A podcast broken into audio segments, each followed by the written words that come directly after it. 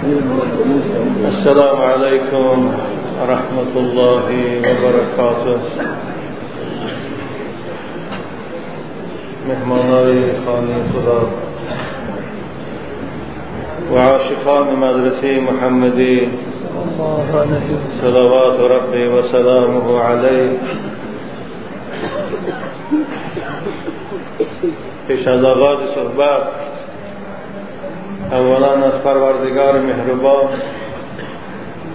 برای یکایک شما عمر دراز و تنی صحت و زندگی خوش خواهانم چگونه که در صحبت های گذشته در جمعه های گذشته با شما گفته بودم و اعلان هم کرده بودم که کدام وقت در آینه نیلگون در تلویزیون جمهوری یک برنامه شده گذشت و در آنجا گروهی از جوانها و گروه از نویسندگان و فیلسوف ها شرکت داشتند. خب من این پروگرام را خود ندیدم. این نمایش ندیدم به خاطر که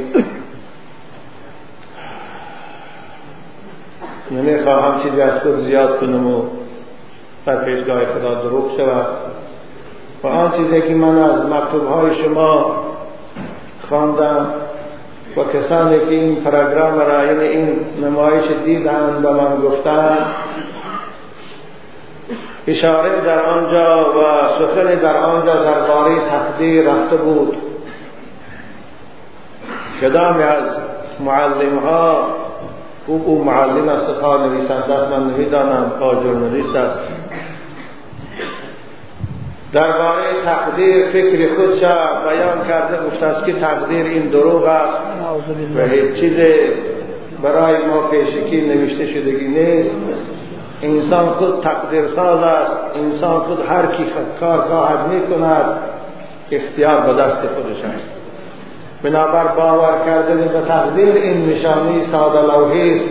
این نشانی عقیب ماندگی است. این نشانی فریبخوری است. خوب این سخن است که من از زبان شخصی شنیدم که او این نمایش تماشا کرده بوده است. و این چند نفری از شما هم جوانان و من مکتوب نوشته در این باره. شما هم به من معلومات دادید و از من خواهش کردید که در این موضوع که به شما روشنی اندازید. او وظیفه ما علماء عادتا خلاص کردن امت اسلام و خصوصا جوانا از چنگال این دجال هاست. نشان دادن راه سعادت و نجات و خوشبختی برای شما هاست بنابر در این موضوع ما اگر خاموش استیم و چیزی نگوییم ما در پیشگاه خدا مسئولیت داریم جوابگری داریم. حتی ما جنایتگار حساب هستیم خداوند ما را پگه عذاب می‌کند. سعدی بزرگوار یک نظم دارد. اگر بینم که نابینا و چاه است وگر خاموش دین گناه است. وقتی که من می‌بینم وقتی که من میشنوم جوانان مسلمان ما را و خواهران و مادران ساده ما را این گونه دجال ها این گونه کذاب ها به نام فیلسوف و به نام دیگر می‌خواهند گمراه کنند. می‌خواهند زهر تبقال به خدایی و به دینی خود به اینها چشانند.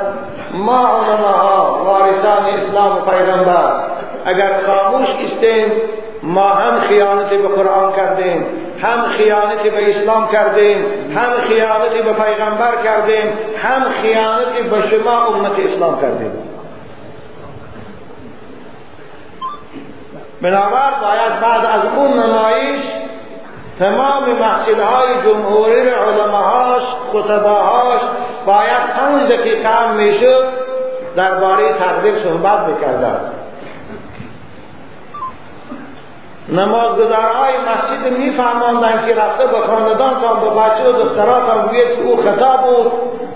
و یک زهره بود که دشمنای اسلام و قرآن می‌خواهند به شما چشانند. بنابر به او باور نکنید درباره تقدیر کمی هم بود به قدر دانش صحبت می‌کرد. این یک دویم من از رهبریت تلویزیون جمهوری از مسئولان آینی نیزگون خواهش می‌کنم که وقتی که مباحثی بین دو طرف می شود و در آنجا در باب احکام دین و اسلام و عقیده صحبت می شود اونها باید حتما کسی را از شورای علما خصوصا رئیس شورای علما رو بیارن یا یک از نماینده های او رو بیارن شینن با اینها بحثی دو طرفه کنن. این انصاف نیست این عدالت نیست که او خیلی درباره تقدیر هرچی می‌داند زهر خود چه شانده این جانب کسی نیست که او را رفت کند با دلیل ها او را فهماند. بنابر من آینه های نلگون دنیای خارجی رو تماشا می‌کنم الجزیره رو می‌بینم الشریعه رو می‌بینم اورانیوس رو می‌بینم وستی رو می‌بینم خیلی من تماشا می‌کنم من فقط خواب نمی‌کنم. وقتی که اونها دو طرف مباحثه می شود از هر دو طرف نماینده ها شرکت می‌کنند ژورنالیستایی که این تو موضوع را پیشکشی تماشا بینان آینه نگو می‌کنند در باب عقیده چیز می‌خواهم بحث کنند چی از طرف فیلسوفای امروزی جمهوری ما؟ اونها به خدا هستند و یکی از جانب شورای علما امروز از ما شورای علما داره خیلی باید افتخار کرد می‌دونیم که همه مسلمان ها را نیازهاشان به جوابگوه شورای علمای ما. باید از اونها کسی دعوت کنند بهتر میشه خود رئیس شورای علما رو دعوت کنند باید باید موجه بحث کنید و مناظره کنند خب روی رئیس شورای علما حضور ندارد جای نشینان هست مدرسای مدرسه هست. الحمدلله اسلام به صاحب نیست. یا الله. خوب وقتی که این نشد باید خطبای مسجد بعد از شنیدن این تو سخنهای زهرالو در تلویزیون باید حتما در جمعه اول یا دویم بندگان خدا را خبردار کنند که این خطا بود مبادا به او دام وید شما فریفته نشوید. بنابر من این مسئولیت در پیشگاه خدا از گردن خود ساقط می‌کنم امروز صحبتی که با شما عاشقان مدرسه محمدی من دارم پیرامون ایمان است و ارکان ایمان است. ایمان چیست و ایمان چند رکن دارد؟ باید هر فردی که دعوای مسلمانی می‌کند دعوای ایمانداری می‌کند باید این رکنهای ایمان شداند خداوند به من توفیق عنایت فرما. و من گشایش نصیب گردان تا این موضوع مهم به بندگان تو رسانم. آمین. الحمد لله رب العالمين الصلاة والسلام على أشرف الأنبياء والمرسلين وعلى آله وأصحابه أجمعين وعن عمر بن الخطاب رضي الله تعالى عنه قال بين نحن عند رسول الله صلى الله عليه وسلم إذ طلع علينا رجل شديد بياض الثياب شديد سواد الشعر لا يعرف فيه أثر السفر ولا يعرفه منا أحد. این حدیث که کتاب ایمان با او آغاز می شود حضرت عمر رضی الله تعالی عنه میگن یک روز ما صحابه ها خیلی پیغمبر خدا را ششته بودیم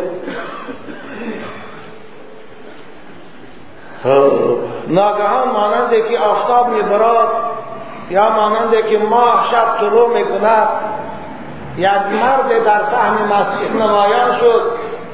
او آنچنان زیبا بود. آنچنان خوشروی بود آنچنان لباسهای تازه و پاکیزه در برداشت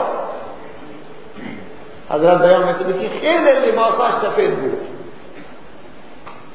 موی سرش مانند مشک سیاه بود جلا می‌داد در روایت دیگر در سرشان سله زیبا هم بود. متعمما هم آمدگی است. سله داشتن. این جوان از این تازگی و زیباگیش معلوم می‌شد که او مسافر نیست. باید آدمی تحجاب باشد باید از جوانای مدینه باشد. اما کسی از اهل مسجد او را نشناخت. نه من شناختم میگن عمر. نه دیگران نشناختن که کی بود. از نشناختن ما معلوم است که او مسافر است. اما از پاکیزگیش از سفیدی لباسهاش معلوم است که او مسافر نیست. و باید تحجاری باشد؟ زیرا حالتا مسافر شخص است که مویهاش جولیده است چندیر کرده است لباسهاش جولیده است. خوب این شخص آمد سهمی مسجد در آمد آهسته آهسته. نزدیکی ما آمد و السلام علیکم گفت سلام کرد. از بین ما برید گذشت. پیش پیغمبر خدا رفت. رسول اکرم که روبرو شد. فاجلس بین یدیه واسند ركبتيه إلى ركبتيه ووضع يديه على فخذيه پیغمبر خدا در فروشیش. زانهای خود به زانهای رسول اکرم چسبانید. و دستاش بالای هر دو رانش گذاشت. مانند که شاگرد در پیش استاد چگونه میستد مانند که مرید در پیش پیر چگونه با آداب میستد آداب بیعت گرفتنی شیخها و مریدها هم این است. طالب علمای عزیز ملا بچه های خوب و شاگردای مطلب های میان و عالی. شما هم در پیش استاداتان با عدد باشید. شما هم استادان خود احترام کنید و حرمت کنید. چگونه که این شخص در پیش استاد بزرگوار خود پیغمبر بزرگوار این آداب رعایت کردن این برای تعلیم ماست. بنابر شاگرد که نسبت به استاد به احترامی دارد او از علمش برکت نمییابد خوب دستاش پیشی بالای زانهاش موند و رخساره های پیغمبر بزرگوار نگاه کرد. گفت که یا محمد اخبرنی عن الاسلام. حبیب خدا محمد برای من بگو که اسلام چیست. حضرت گفتم الاسلام ان تشهد ان لا اله الا الله و ان محمد رسول الله. اسلام ستون اولش این است که شاهدی می‌دهی به زبان که آفریدگار این عالم الله است و پیغمبر محمد فرستاده اوست صلوات ربی و سلام علیه دوم و تقیم الصلاة. پنج وقت نماز تو میخوانید دوم ستون اسلام نماز است که نماز نمیخوانید و تصوم رمضان رمضان مبارک هر سال یک ماه روزه میداریم. این سیوم رکن ایمان است. سیوم ستون ایمان. و توتی از زکات زکات مال تو می‌دهی. اگر ثروتمند بای باشی در یک سال یک بار. این چهارم رکن ایمان است. و تحج البیت خانی خدا را در عمر یک بار امکانیت یافتی. زیارت میری خدا شما را هم. جوان عزیز به این زیارت خانش مشرف الله. در روایت دیگر که نسایی روایت کند و ان تغتسل من الجنابه اسلام باز یک رکنی دیگرش این غسل از جنابت است اگر در مشکات نیست اما در روایت دیگر آمده است غسل از جنابت یعنی وقتی که جنوب می‌شوی خواه با هم خوابگی کردن با همسرت خواه با احتلام شدن در خواب بود. خواه با دست خود سبوب کردن. هر حالت جنوب شدی پیش از نماز غسل کردن برای فرض است. این اسلام است. خوب در این با ما تفسیر نمی‌کنیم زیرا اکثر شما اینا رو می‌دانید. وقتی که رسول اکرم اینو بیان کردن این شخص چی گفت؟ صدقت راست میگی اسلام نمین است. حضرت عمر رضی الله تعالی عنہ میگه ما حیران شدیم. این آدم خودش سوال کرد. از سوالی کرد کارکردگیش معلوم است که او خود چیزی نمی‌داند. برای همین از پیغمبر پرسید. اما وقتی که پیغمبر بیان کرد و ثانی گفت که خوب راست گفتی تو غری گفتی. ما گمان کردیم که این همه چیز می‌داند یا ما حیران شدیم چی کی باشه؟ این چی آدم باشه؟ ثانی باز پرسید. اخبرنی عن الایمان. محمد تو به من بگو ایمان چیست خب اسلام من دانستم احکامش ایمان چیست؟ عزیزان ما خیلی توجه کنید در این صحبت. و بسیار خواهش میکنم که این صحبت حتما فیتهاش برای خانهاتان بچه دختراتان و همسراتان گوش کنند ایمان چی؟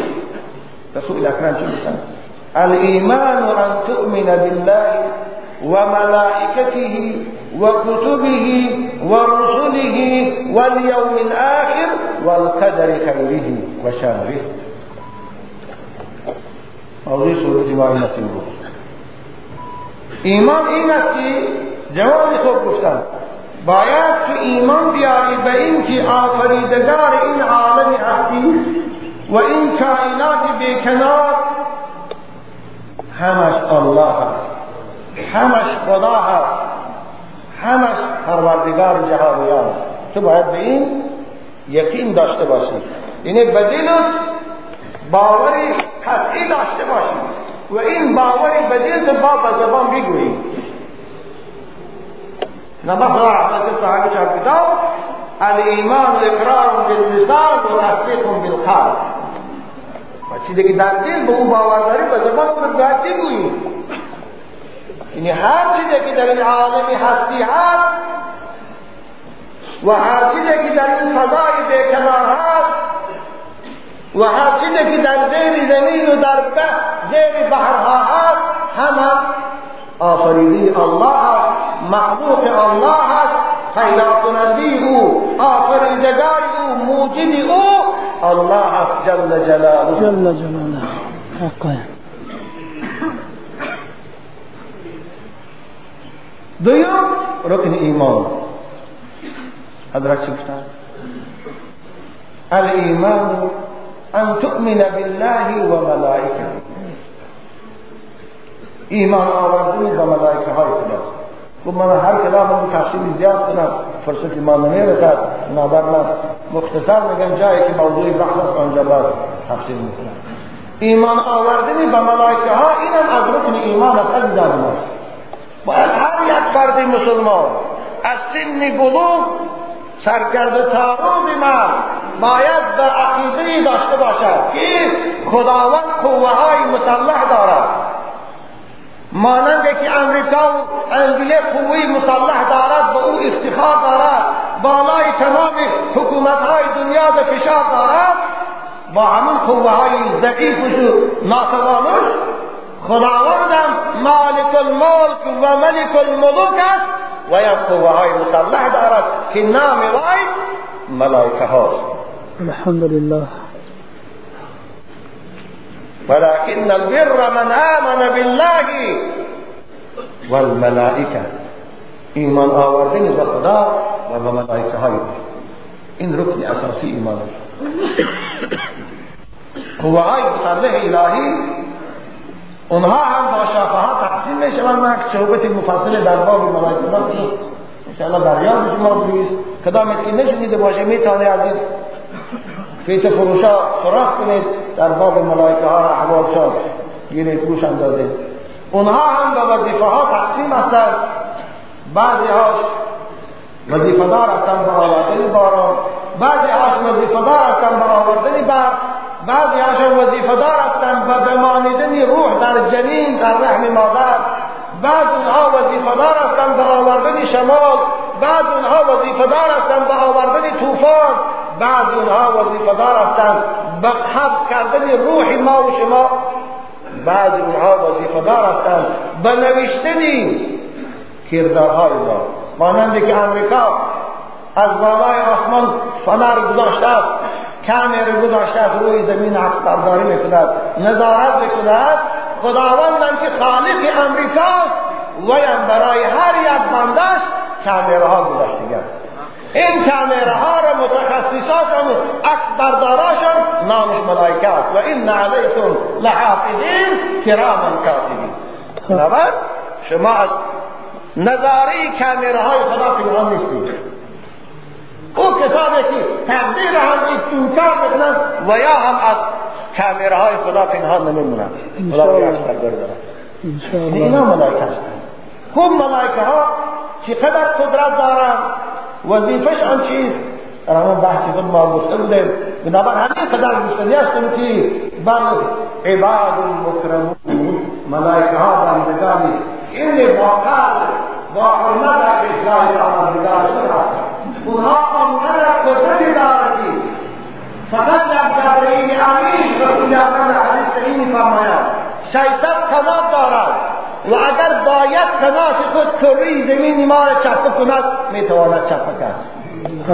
اون طرف طبعا همون ملائکه های الهی بود که در طوفان اندونزی و تایلند زمین برداشت زیر بحر سی و پنج متر بالا با سر داد. چگونه کلیتی آمد اگر سی و پنج متر می هفتاد متر می برداشت چی می‌شود؟ یا الله. قدرت دارد خدا ملائکه هستند اینها در تمام امور عالم تصرف دارند قرآن پروردگار با شیوه های گوناگون درباره ملائکه صحبت دارد اعوذ بالله من الشیطان الرجیم. والنازعات غرقا والناشطات نشطا والصافات صفا همین مراد ملائکه ها هستند باید ما به این ایمان داشته باشیم. اگر که چشم ما آنها رو نمی‌بیند ملائکه ها به هر شکل می‌توانند خودشان نمایان کنند. مانند که من نزد رسول اکرم ها این شخصی که آمد سوال دارد این ملائکه این جبرئیل امین است رسول اکرم به این صورتی زیبا. بنابر ایمان آوردن به اونها فرض است. حتمی است بلازم اگر کسی گوید که من به این باور ندارم کافر است.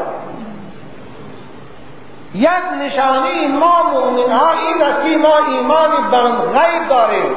یک برتری ما از اون بیچاره های نادان این است که ما هم دنیا رو باور داریم هم ترقیات علم و تکنیک رو باور داریم هم آن چیزی که ماورای طبیعت است و عقل انسان نمی‌گیرد ما به او هم ایمان داریم. الحمدلله. انسان در این جامعه بشری به این حیات کوتاه خود بعض چیزهای در فرو می‌شد که این نمی‌بیند. مانند که من قوه برق قوه برق به چشم دیده نمی‌شود. لیکن او اثر دارد دستی که زن چیز کردی می‌دوند نابود می‌کند یا چراغی که در روش اما آمدنی وی نمی‌بینه این معنای آن نداره که نیروی برق وجود ندارد یا مثلا انسان من عقل دارد اما عقلش نمی‌بیند تو این معنای آن نداره که من عقل ندارد یا انسان من روح دارد اما اون روح نمی‌بیند تو بنابر چی داره که به چشم نمی‌بینی و نیست گفتن این احمقی این دیوانگی ملائکه رو ما نمی‌بینیم بنابر وجود ندارن جنها رو ما نمی‌بینیم بنابر وجود ندارن خداوند فقط اون جن که مبتلا کرد خود نمی‌بینه که بوده نعوذ بالله خداوند فیلسوفای بیدین ما رو به همون مبتلا کنه. آمین.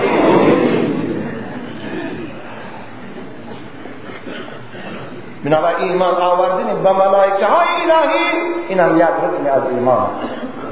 عزیزان من خلاصی کلام این است که خداوند مهربان آفریدگار انسان برای هر یک انسان اعم از کافر و مؤمن اعم از محب و دشمن محافظ از ملائکه ها تعیین کرده است. اما منکرای تقدیر که در تلویزیون برآمد کرد همونها را هم خدای مهربان با ملائکه های خود محافظت می‌کنه از شر دینها. اگر این محافظه الهی نباشد جنها ما و شما رو در این روی زمین نمیمونند خداوند در قرآن میگه له معقبات من بین یدی یحفظونه من امر الله. ای انسان من برای تو پاسبان و محافظ آماده کرده هستم تعیین کرده هستم وظیفه دار کرده هستم اونها تو رو محافظت می‌کنن. و الا این جنها در یک چشم دیدن ما رو نابود می‌کنن ما رو دیوانه می‌کنن. بنابر باز عزیزان من دو مخلوق خدا رو به چشم دیده نمیشه یکی ملائکه است یکی زین هر دوست هم ایمان آوردن فرض است. و ما باور داریم که هر دوشم هست. باز پرسید رسول اکرم بعد از ملائکه چی؟ رسول اکرم گفتن و کتبه ایمان آوردنی به کتاب های خدا ایمان آوردنی به کتاب های خدا اینم رکن اساسی ایمان است. خداوند مهربان وقتی که انسان در روی زمین آفرید وقتی که عالم به وجود انسان زینت داد وقتی که انسان خداوند عقل داد به علم قدیم خود دانست که این عقل او کفایه نمی‌کند برای او را خدا کردن. عقل تنها یا راه نمییابد. به خاطر این خداوند که او صاحب انسان بود خالق انسان بود آفریدگار انسان بود کتاب فرستاد. مانند که هر حکومت به خودش موافق کنیستوس دارد قانون اساسی دارد. خداوند هم قانون اساسی برای اهالی مملکتش این عالم همه مملکت خدا فرستاد. با کتاب های خدا چند تا خوب در حدیث آمده است صد صحیفه چهار کتاب. پروردگار به حضرت آدم ده صحیفه روان کرد. یعنی ده ورق که اون عبارت از فرد حکمت و از بعض احکام های زندگی بود. در گوه جامعی بشری همه اکنون ترقی نیاز احتیاجی به کتاب کلام نبود به احکام وسیع نبود. ده صحیفه روان کرد. بعد از حضرت آدم وفاتش پسر او حضرت شیس علیه السلام پنجاه صحیفه روان کرد. باز بسیتر کرد. خداوند قانون شد. بعد حضرت شیس باز فرد نبیری دیگری حضرت شیس ادریس علیه السلام برای او سی صحیفه روان کرد. سی تا. بعد وقت گذشت زمان بسیار ابراهیم علیه السلام مبعوث به رسالت شدن بود شکن اول اسلام. بود شکن. و شکننده قامت نمرود. حضرت ابراهیم و فرستاد برای ده صحیفه روان کرد. یعنی مجموعه صحیفه های الهی ثبت هستند. که اینها عبارت از حکمت از پند و اندر عبارت از بیان بعضی احکام های حرام و حلال خدا بود. خود جامعی بشدی که ترقی کردن گرفت عقلش بسیع شدن گرفت جهان بینیش پیشاد شدن گرفت. خداوند اکنون به صحیفه اکتفا نکرد برای بندگانش فرستادن کتاب ها را. آغاز کرد. بنابر کتاب اولین که مجموعتا مکمل خدا فرستاد این تورات بود به حضرت موسی علیه السلام. بعدی وای حضرت داوود که پیغمبر شد برای وی کتاب دیگر به نام زبور فرستاد. بعد از وی کتاب دیگر به نام انجیل به حضرت عیسی فرستاد. یعنی این سه کتاب برای سه پیغمبر خدا که موسی که داوود یکی عیسی علیه که مصطلات و السلام نازل شد. هر کدام اونها هم دارای به خود خاص احکام های بودند عادتا زبور و انجیل عزیزان من احکام به بحث نمی‌کنند اونها را احکام چون همون احکام تورات است. اونها را حرام و حلال چون در شریعت خوشند همون حرام و حلالی اکثرا تورات. شو بعضی فروعات دارد. بعضی چیزایی که خداوند در تورات شاید رخصت داده بود در اینجا مان کرد شاید در اونجا من کرد اینجا در رخصت داد. هست در دیگر دنیا خب جامعه بشری با پیش رفتن گرفت تمدن ظاهر شدن گرفت. خداوند در آخر برای تمام بشریت تا روز قیامت و یک کتاب خیلی جامع و جواب گوینده تمام نیازهای بشری را به نام قرآن به آخرین پیغمبران بزرگوار خود محمد ابن عبدالله صلی الله علیه و سلم و سلامه علیه یعنی این قرآن به اصطلاح امروزه گوییم کنستوسی آخرین و مکمل الهی است. چگونه که امریکا کنستوسی قبول کرد؟ کنستوسی آخرش به به دعوای خوشم مکمل است. احتیاجی به زیادتی کمی ندارد. دیگه باید تغییر میابد برای که باید ساختی بشر اما خداوند خالق انسان دید که انسان از اون ترقی کرد. انسان مدنی شد. انسان انکشافی شد. انسان آینده با پیشروی ها دارد فضا برآمدن دارد. علمی دیگر دارد. خداوند برای یک کتاب فرستاد که جامع و کامل و جوابگوی تمام نیازهای بشری.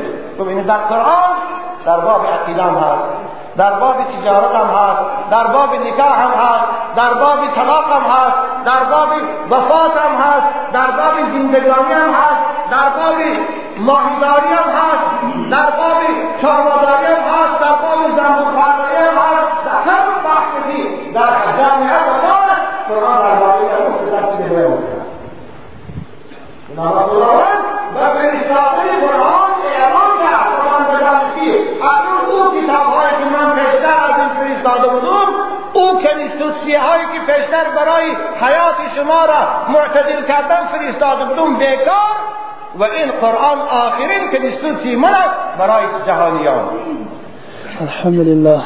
مانند که حکومت هایی که آخرین کنیستوسی قبول کنند کنیستوسی های پیشیشان از اعتبار ساقط می‌کنند همونطور خداوند همه کتاب ها کتاب های اوست همه صحیفه ها صحیفه های او قرآن هم کتاب اوست بنابرای به فرستادن قرآن که نیستوسی های پیشینش بیکار اعلان کرد و آخرین کنیستوسی خودش که جامعتر بود و کاملترین بود تا قیامت قرآن برای همه بندگانش قانون حیاتی اعلان کرد. اعوذ بالله من الشیطان الرجیم. إنا أرسلناك كافة للناس بشيرا ونذيرا برای تمام بشریت این فرستاد. بنابراین از ایمان آوردنی به همه کتاب های خدا فرمود. بنابراین شما مانند یهودی ها مسیحی ها نشوید. شما گویید که ما به همه کتاب های خدا ایمان داریم. تا تورات است تا انجیل است تا زبور است تا و صحیفه های پیش همش ایمان داریم. لیکن عمل کردنی با احکام اونها بیکار شده این خدا بیکار همون خدایی که تورات فرستاد همون خدایی رو بیکار کرده است. خواستی خدا. لیکن ما همش دوست میداریم. همش ایمان داریم کتاب خداست یکی از کتاب های الهی را رد کردن یا قبول نکردن این معنای از ایمان جدا شدن دارد. بنابراین برای چی ما مسیح عالم مسیحیت کافر می‌دونیم؟ چون ما عالم یهودیت کافر به خاطر آن که اونها به قرآن و به محمد ایمان ندارن باور ندارن ما هم اگر مسلمان ها به انجیل و به تورات ایمان نداشته باشیم ما هم از کافر حساب میشیم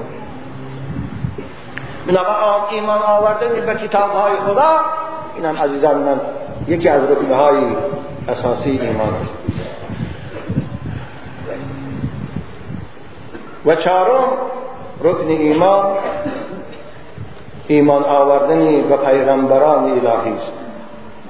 ان تؤمن بالله و ملائکته و کتبه و رسله پیغمبران الهی از حضرت آدم سر کرده تا آخرین پیغمبری او که هم خاتم الانبیاء رسول اکرم است محمد ابن عبدالله همش ما ایمان آورده ما فرض است اگر یکی از این پیغمبران الهی در ما عداوت داشته باشیم یا نفرت داشته باشیم از ایمان جدا میشیم.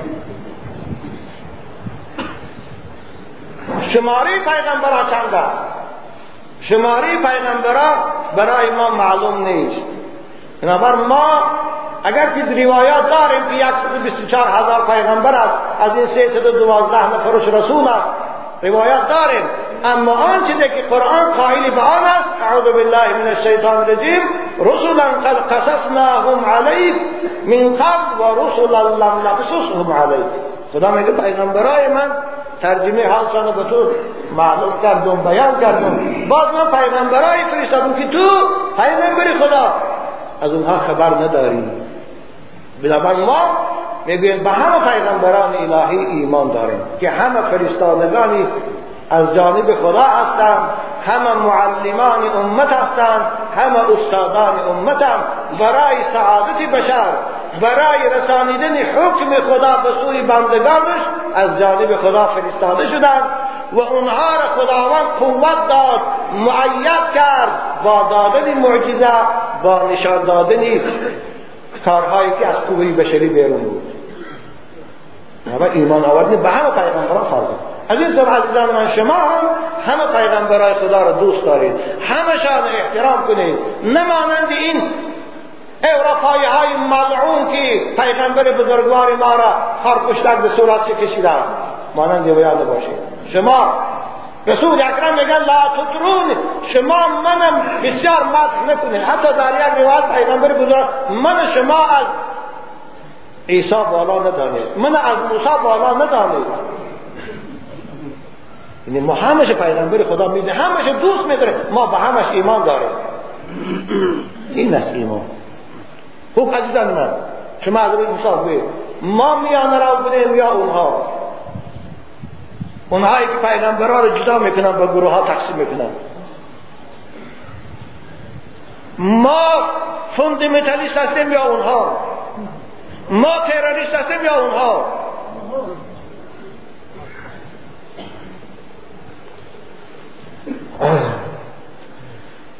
و دیگر رکن ایمان عزیزان من بعد از ایمان آوردنی به پیغمبران الهی ایمان آوردنی به روز قیامت است و یوم الاخر عزیزان من ایمان آوردنی به روز قیامت مهمترین و اساسی ترین رکن ایمان است. چرا که این در بر می‌گیرد مسئله های زیادی را. یکی ایمان آوردنی به روز قیامت معناش این است که ما به حیات قبر باید باور داشته باشیم. ما به عذاب و راحت قبر باید باور داشته باشیم. ما به زنده شدنی با جسد و با روح در پیشگاه خدا روز قیامت باور داشته باشیم. ما باید به حساب و ریویزی اعمال در روز قیامت باور داشته باشیم. ما باید به جنت و دوزخ باور همین ها در ایمان بالغیب میترد و قرآن در پروردگار ما را تاکید می‌کند که حقیقی مؤمن کیست ولا تو دوزخ با همین ها در ایمان بالغیب میترد و قرآن در پروردگار ما را تاکید می‌کند که حقیقی مؤمن کیست ولكن البر من آمن بالله واليوم الآخر والملائكة والكتاب والنبيين ایمان آوردنی به روز قیامت مهمترین رکن ایمان است. بنابر کسی از بندگان خدا نمازم خواند روزم گیرد حجم کند اما ایمانی به زنده شدن بعد از مرگ نداشته باشد. ایمانی به عالم دیگر نداشته باشد و کافر است. و ایمانی به آخر یا روز آخر این معنی چی؟ ما باور داریم که این عالم هستی روز فنا می شود این عالم هستی با همه ترقیات و پیشرویهاش نابود می شود. هم از دستخوش فنا می شود. هم فیلاسوفاش هم فیزیکاش هم خیمیکاش هم پرزیدنتاش همش فنا می شود. کل من علیها فان و یبقى وجه ربک ذو الجلال والاکرام همش فنا می شود. بعد از فنای این عالم بعد از سکوت موقتی آرامی و خاموشی موقتی باز یک عالم دیگر آغاز می شود که آن عالم حیاتش هم ابدی است. آن عالم راحتش هم ابدی است. آن عالم عذابش هم ابدی است. آن عالم حکومتش هم ابدی است. این عالم آخرت میگه. ما باید به این ایمان داشتیم اگر رفت همین در ایمان شد نداشته باشیم همین باورش در دل نداشته باشیم ما مسلمان نیستیم. نبا من می‌خوام سخن رازی یک برادر اسلامی شنیدم که باید دروغ نمیگه انشاءالله در این مسجد به من گفت در وقتی صحبت. که در قشلاق ما یک شخصی هست خود نماز می‌خواند. در رمضان ها روزه می‌گیرد مسجد میبیاد. اما زنده شدن بعد از مرگ میگن من باور ندارم. ما از اون پرسیدیم که تو چون باور که نداری چون نماز می‌خوانی؟ او گفت از این یک انعنه است. داری موسیقیدان می‌خوانی ببینی این تا آدم هم ما داریم. این تا مسلمان هم ما داریم. بنابر او کافر است. اگر چی نماز خواند اگر چی روزه گیرد اگرچه مسلمان ها او یک جایی جنازه بدن کافر است. زیرا که انکار روز قیامت انکار عالم آخرت کفر است کافر است ششم رکن ایمان عزیزان من که موضوع بحث امروزی ماست والقدر خیره و شره من الله دیگه آمنت بالله ده انشاءالله صحبت ما در اینجا مفصلتر می شود پیغمبر خدا گفتن رکن ششم ایمان این است که باید تو باور کنی و تصدیق به دل کنی و یقین کامل داشته باشی که در این عالم هر چی می شود در این عالم هر کاری که به وقوع می آید همه به تقدیر خداست به اندازه خداست به خواست خداست. بنابر تقدیر به معنای چی؟ پیشکی معین کردن پیشکی نقشه کشیدن من از این فیلسوفای محترم خواهش می‌کنم که همه دنیا به یک انجینیر یک عالم می‌خواه یک اختراعی کنند پیشکی اول او را نقشش می‌کشد همتو نیست؟ بله. نقشی او را می‌کشد او برای چی استفاده می‌شود برای او چی ها ضرور است چی او دو زیان میرساند چی او دو فاید پیشکی حساب و کتابشو می‌کند همین هست همین مثلا دورای شوروی ما در گزیت می‌خوانیم پنج ساله پیشکی در کرمون در وزارت اقتصاد نقشش میکشیدن معلوم پنج سالی بعد آینده را. بعضی حکومت ها ده پیش نقشش می‌کشند همین در علم اسلامی تقدیر میگن. خداوند که خالق آفریدگار انسان است انجینیر انسان است. خالق آفریدگار این کائنات است. پیشکی از اینکه اینها را به وجود بیارد آفریند. اول در کبینت کاری خود. ولله المثل الاعلا خداوند اول نقشی اینها را کشید. این ستاره ها برای چی می‌روند آفتاب برای چی به کار می‌روند این برای چی؟ از چی ها آفریده میشه. انسان به از چی می آفریند او به چی کار می رود آخرش چی می شود؟ چی برای وی فایده دارد؟ چی برای وی ضرر دارد؟ چی قدر حیات می بیند؟ چی قدر ریسک همه این خداوند جزئیات شکلی نقشش کشی دیگه است. اما اینو تقدیر میگن این چی جایی دا چی ضررتی ما رو قبول نکنیم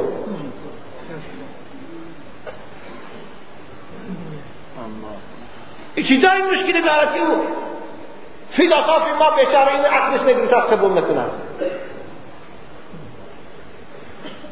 بنابر تقدیر به معنای پیشکی نقشه کشیدن. قضا انا همون نقشی پیشکی کشیدن در حیات تطبیق کردن قضا می‌گویند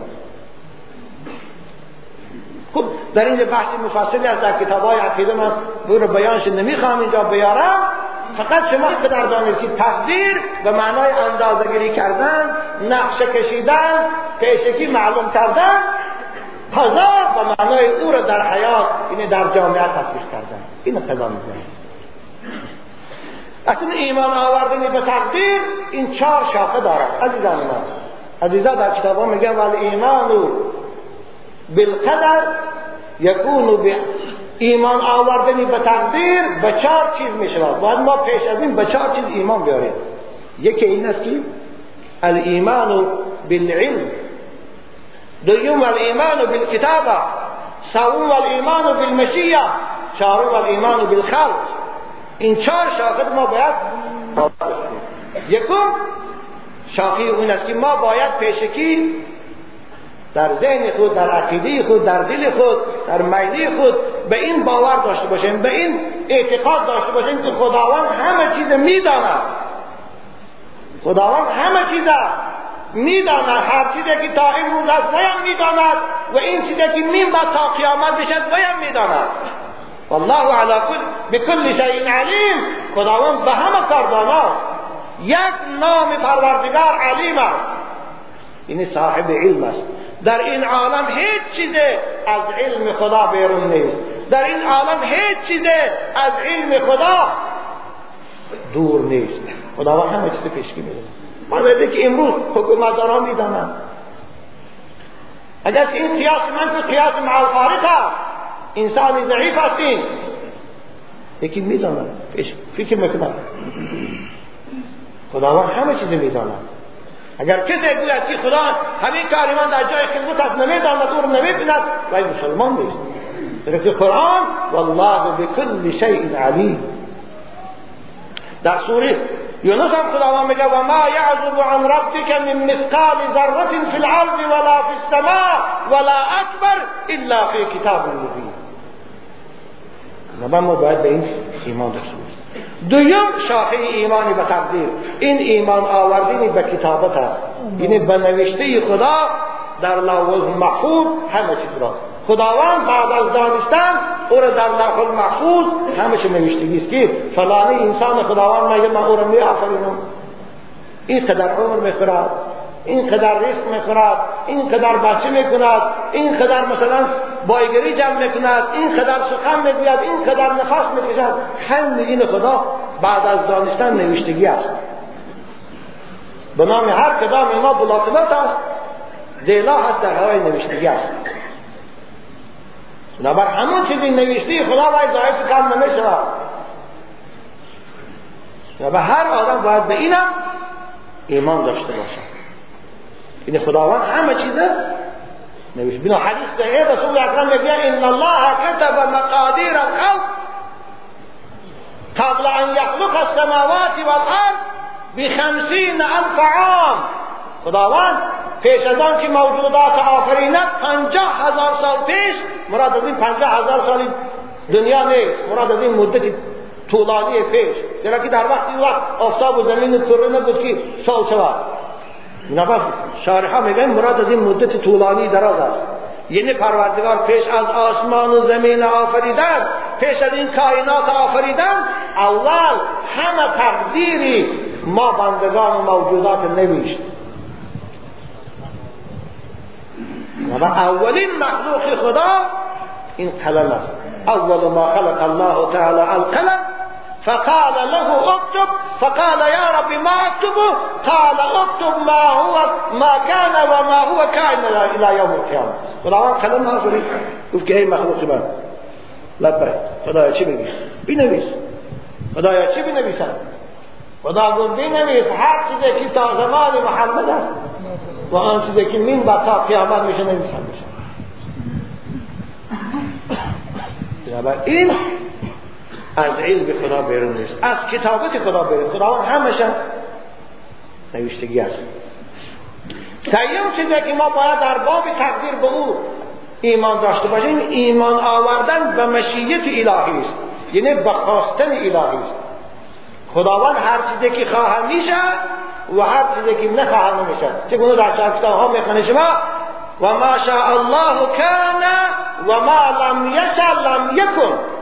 یعنی هر چیزی که خدا خواست خداوند خواهد آرامی صبح و صلاح خدا خواهد فراخ قیر و فیض و برکت می شود فراخی می شود صبح و صلاح می شود محبت. و خداوند اگر خواهد که نارامی اختلاف خواهد و گرسنگی خواهد به آبی و بارانی به بارانی می شود خود قحطی خود. هر چیزی که خدا خواهد آورد می شود ولكن الله یفعل ما یرید. خدا چیزی که می‌خواه هوایی می‌شود. نخواستی بوش می‌شود. نخواستی لیل مستقیم بشود. نخواستی دیگران هر چیزی که خدا خواست هوایی می‌شود. نما پروردگار در یه حدیث قدسی هم می‌گوید عبدی أنت ترید و أنا ارید بنده من تو میخوای این کار اون کار کنی من میخوام این کار این کار شود فإن سلمتني فيما أريد كفيتك ما تريد وإن لم تسلمني فيما أريد أتعبتك فيما تريد ولا يكون إلا ما أريد ای بندی من اگر خواهشی من در اگر خواستی من در تسلیم کنی از بحر خواهش خود بذاری و خواهش من قبول کنی. من تو هم به خواهش خودم میرسانم هم به خواهش خودم. اما اگر خواستی من در خواهشی من در قانونی من در مخالف برآمدی تو را من در مشقت کنفت میاندازم عذاب میتیم تحقیر می‌شوی اما چیزی که من خواستم هوای می‌شود. همونجا با خواستی تو نمی‌شود. امریکا خواست. در عراق حکومت دموکراسی بنا کند حکومت که خدمتگار باشه. اما خدا که نخواست بود. حال حال. سه سال شد از کراش ملی ایستادن. یراقای حربیش و ایران شد ایستادن. هر روز کوچه های بغداد آدش میشید باز همه خدا خواسته بشید با همه حکومتی مسلمانان به صدق فرامد فقط مهنتی برای برباد رفت فقط در بیس هزار اسکرش مون. چی فایده کرد؟ گجاد که رفت این جانب پیشواز بوش در تلویزیون پاکستان تماشا کنه پیشوازگیری کرد تمام می‌خواد اعتراض که وقتی آمده نوش زد برام لکی چی نمیبیایی تمام کوچه های پاکستان و مگزیناش محکم شدن. پیشواز بوش نبیاد این قبولش بنابر همین خدا میگه من میخواستگی بشوه بوش میخواستگی نمی‌شوه دشمنا اسلام می‌خواستن اسلام در اصل پیغمبر محو کنن مشرکای مکه یهودی ها نتانستن دشمنا اسلام می‌خواستن در عهد صلیبی ها با یورش صلیبی خود اسلام محو کنن. نتانستن چنگیز و مغول ها در زمان حکومت خود خواستن اسلام محو کنن. مسلمانان نابود کنن نتانستن کامونیستا در هفتاد سال حکومت شد خواستن اسلام و مسجد و مسلمان ها رو محو و نابود کنن نتانستن. الحمدلله امروز دموکرات هم نمی‌تونن من با تمام باوری و ایمانی به خدا میگم که نمی‌توانند نه اسلام محو کنند نه مسلمان ها را از بین برند نه قرآن بیکار کنند. اینها مجبور میشه روز در نزد اسلام و قرآن و مسلمان ها زیر سر تعظیم خم می‌کنند خواهد می‌کنند. انشاءالله انشاءالله. این تقدیر الله. که خدا میگه فان سلمتنی فيما اريد اتعبتك فيما تريد فإن لم تسلمني فيما أريد أتعبتك فيما تريد ولا يكون إلا ما أريد. خدا را خواستگیش میشه خدا را خواستگیش میشه از زمین در که قرآن میگه ولكن الله يفعل ما يريد. خدا میخواد هر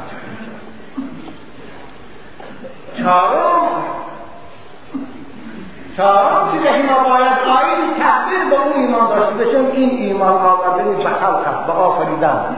باید هر مسلمان به این عقیده داشته باشد که آفریدگار این عالم هستی الله. است سبحان الله. و خالق این عالم و خالق هر کاری که ما می‌کنیم عزیزان من این هم الله. است جل جلاله. والله تعالی خالق لافعال العباد. عقاید همین ما می‌دانیم. عزیزان من بخش ها هر کاری که در این عالم ما می‌کنیم خواه اختراهای نوترینه که من بالای سیاره های دیگر برامده تا کشتی های زیر بحری همین این خالقش الله هست فقط کسبی ماست اختصاص از ماست. اما آفریدن او خدا آفریدن شده والله خلقكم و ما تعملون. هر چیزی که شما می‌کنید آفریدگار و خدا هست. خداوند برای ما همون استعداد میتید خداوند برای ما همون علم میتید خداوند برای ما همون وسیله و اسباب مهیا می‌کند ما کشتی رو میآفرینیم. خداوند اگر آهن به اختیار ما نمی‌داد کشتی ساخته می‌تونستیم. خداوند اگر قوی برق به اختیار ما نمی‌داد بحرها رو نمی‌داد قوی الکتریک اختراع کرد می‌تونستیم. یعنی خداوند انسان هم هر کاری شما تاجرای از پول جمع می‌کنید با استعداد خود. همون استعداد خدا به شما نمی‌داد می‌تونید پول جمع کردن. همون راهی دوبای رفتن خدا به شما آسان نمی‌کرد. می‌تونید دوبای رفتن بدن. یعنی هر کاری که شما می‌کنید او را اسبابش خدا مهیا می‌کند. من شما نفس می‌کشه نفس شما می‌کشه نفس شما. اما این خداوند می آفریند در ما. سبب آن یعنی راه نفس کشی برای ما آسان کرد. اکسیژن نفس از داخل کسی کربان بیرون میبراره این خدا راشه به ما آسان کرد بنابر هر کاری که ما می‌کنیم خالق خدای خدا هست آفریدگار فقط کسبی بنده در اون. بنابر باید ما به این ایمان داشته باشیم. خداوند در قرآن چی می‌گوید ذلکم الله ربکم لا اله الا هو. خالق كل شیء فاعبدوه. خالق تمام موجودات الله هست هوای پرستش بنابر باید به این هر مسلمان ایمان داشته بنابر هر چیزی که خواندن است خواه نوشتن است همه با آفریدی خدا شما هم طالب علم عزیز دانشجوهای محترم در دانشکده هم می‌خوانید استعداد دارید. این هم استعداد خدادادگی است به شما. پروردگار همین شرایط برای شما مهیا می‌کند. یعنی ذهن خوب استعداد خوب لیاقت خوب خواهشی خوب به سبیل می‌شوید پیش قدم. بعد از که خداوند در استعداد نمیتید خواهش نمیتید تنبلی میتید هر چه حرکت هم کنه یاد نمی‌گیرد. این خدا میتید بنابر باید بنده به این عقیده داشته باشد. خوب از اون کسانی که در تقدیر باور ندارد. حکمشان چیست؟ حکمشان چی کردن خوب اگر چه اخلاق ساعت بالا یک سولان ده دقیقه وقت شما رو باز می‌گیرم به خاطر اینکه این درس خیلی مهم است. انشاءالله گمان می‌کنم که شما خسته نشده کسانی که تغییر به باور ندارن حکم اونها چیست؟ مانند او. کسانی که در او برنامه تلویزیونی رد کردن تقدیر است. کسانی که تغییر باور ندارند اونها از نظر دین مقدس اسلام از ایمان جدا هستند. اونها مجوسی هستند. رسول اکرم صلی الله علیه و سلم گفتند در یه حدیث شما ان لكل نبی ان ان في كل ان لكل نبی في امته و مرجعه هر پیغمبر امت ازده قدریه هاست من تلگت شدگی تقدیر باور ندارم در هر امت در هر پیغمبر این انسان ها هستند مانند کسانی که شاید در تلویزیون میشنوند و ان الله لعنهم على لسان سبعین نبیا خداوند اینها را لعنت کرده است به زبان هفتاد پیغمبرش به زبان هفتاد پیغمبر خداوند کسانی را که به باور ندارن اونها را لعنت کرده است در اونها صراحتا سخن پروردگارشان باور ندارن اونها که خود وجود خدا باور ندارن لیکن خدا قرآن چی می‌گوید؟ انا کل شیء خلقناه بقدر. سبب نزول این آیات چیست؟ سبب نزول آیات همین است که یک گروه از مشرکای مکه پیش پیغمبر خدا آمدن. بعضی میگن وقتی عبدالقیس بود با رسول اکرم صحبت کردن گفتن محمد هر کاری که ما می‌کنیم خود ما می‌کنیم خدا به این دخل ندارد پروردگار گفت نه این آیت به اونها فرستاد هر کاری که بندگان خدا می‌کنن او خالقش خدا هست. این اعمالنا بیدنا وعجلنا في بيد غيرنا. پروردگار همه آیت فرستاد إن المجرمین فی ضلال وسعر يوم يسحبون في النار على وجوههم. ذوقوا مس سقر. إنا كل شيء خلقناه بقدر. پیغمبر تو به اینها بگو ما همه چیز در این عالم پیشکی مقدر کرده هستیم. ما هستیم آفریدگاری فقط تو کسب کنندی واسطی به وجود آورندی واسطی اما همه و سببهاش ما آماده می‌کنیم.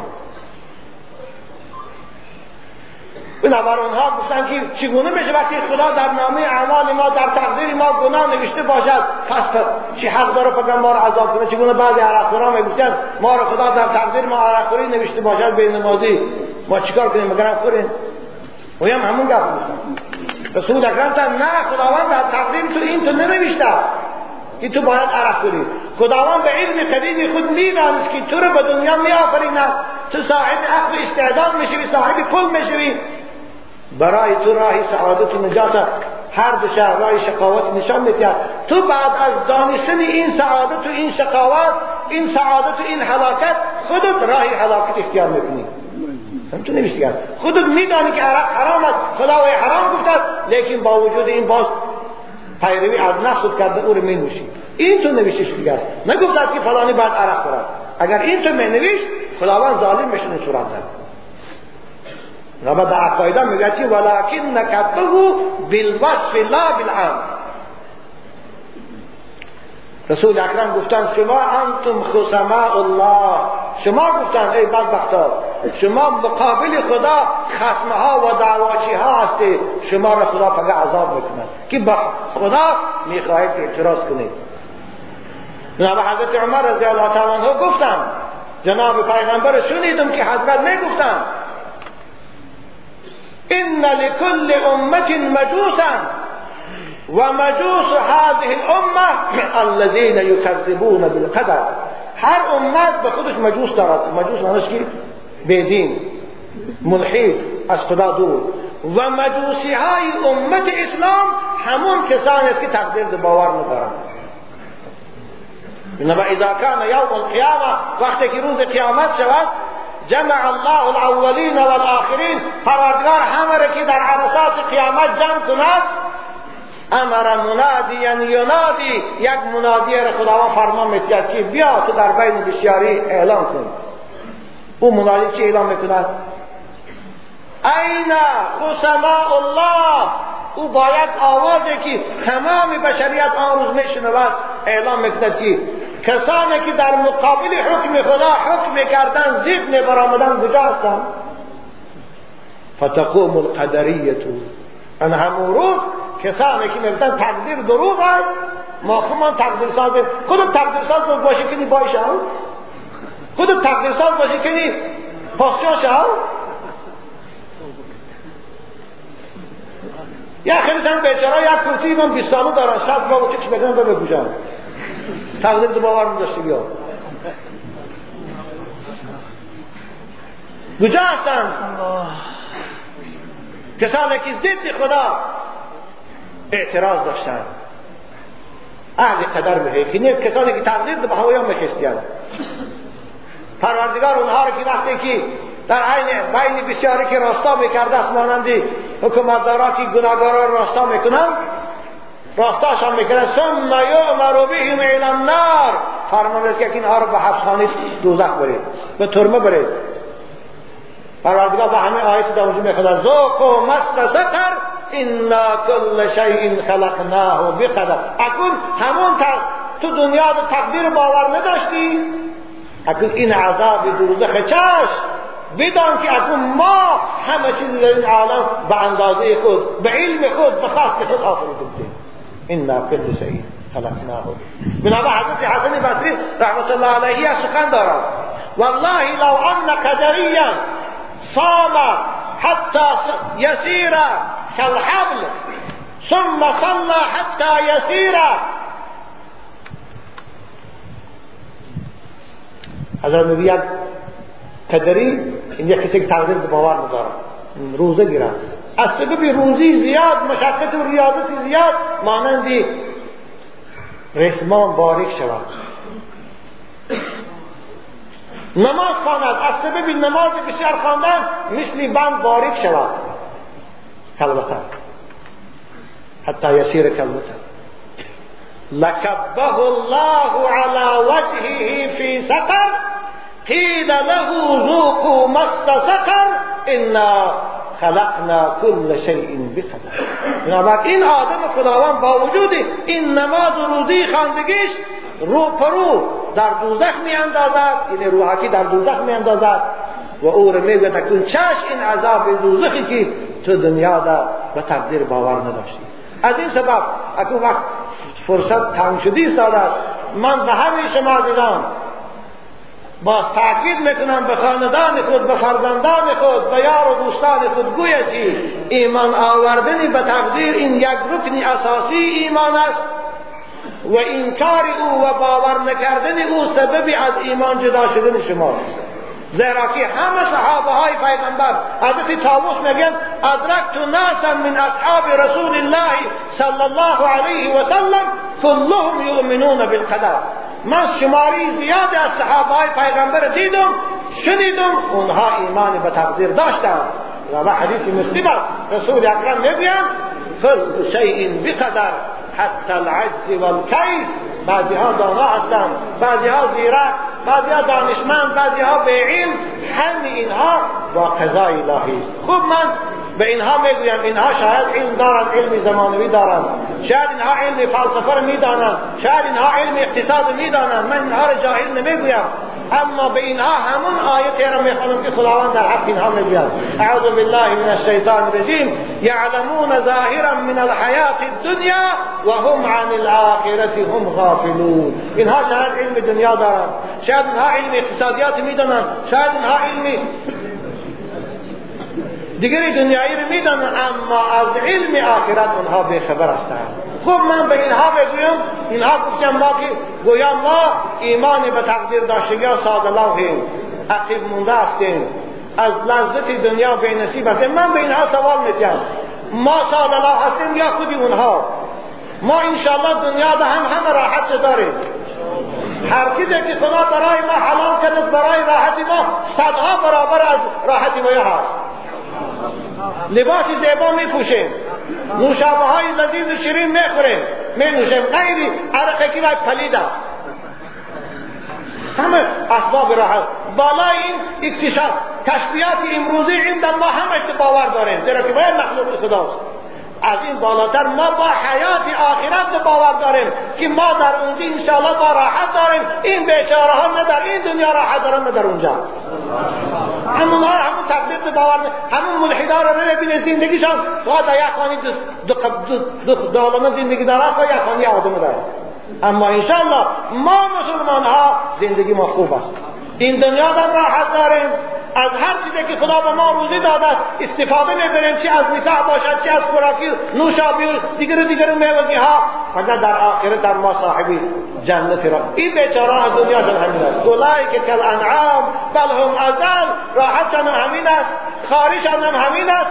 بعد از اینکه مردن دیگر عذاب و زدناهم عذاب و فوق العذاب. همطور از من. بنابراین باید هر مسلمان احکام اسلام شا از پیشواهای دینش پرسان. باید رهبرای مسئول حکومت دارای ما در باب عقیده و در باب احکام دینی نماینده های مخصوص دین برای صحبت کنند. ما احتیاجی به نصیحتی و یا نداریم. در این جمهوری ما الحمدلله با اقرار خود رئیس جمهور ما خدا نگه دارد 96 فایدش مسلمان است.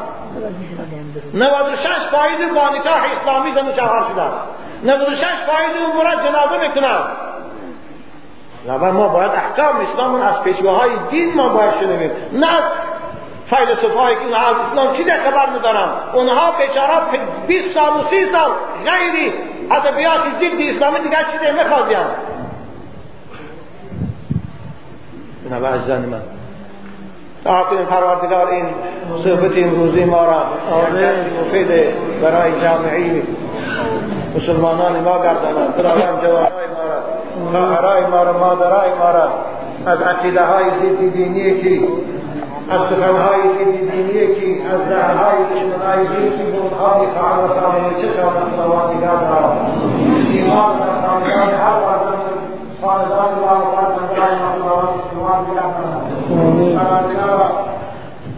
قال السلام من نار الحديثية للنيار لتحتى قول الكامل أسرقها تعالى في جهنم كافر نار نار القوي ولا نار نار العز وقال نار وحرام كافر نار نار خير بركات بريده لما حمش الناس الكافر آمين. الفت و دوستی و صلح را در بین مسلمانان جمهوری ما و مسلمانان جمهوری تمام عالم اسلام. خدایا همیشه برقرار و مردوام گردان. خدایا رئیس جمهور کفیل آرامی رسول در جمهوری ما پروردگار همیشه تنی صحت عمر دراز و موفقیتی در کارهاش نصیب گردان. پروردگار همت اسلامی و بیداری دینی به ایشان خداوندان قادری نصیب گردان. آمین. یا رب العالمین. هوای عزیز انشاءالله جمعه آینده از بیان که خیلی مکتوب های سرشماری به من رسیده است. صحبت در باب سوال و جواب های شما می شود یک سوال جواب به ما دادی. السلام علیکم حضرت ایشان. پروردگار شما را نگه دارد. من در دانشگاه تکنیکی تاجیکستان در شهر دوشنبه می خوانم و روزهای جمعه به نماز رفته نمی تواند اگر معلم را گویم که به نماز می روم وی جواب نمی دهد. و من معلم را یکان دروغ گفته به نماز جمعه روم درست است یا نه؟ برادر عزیز خوب اولش که شما در دانشکده هاتان خانتون در وقتی وقتی که امکانیتی از درس برآمدن نباشد درساتان درسای ضروری و مهم باشد شما درساتان خانید انشاءالله در بعد از نمازی ارساتان بود کردن شما می توان نماز پیشین خانید و جمعه از گردن شما ساکن می‌شد.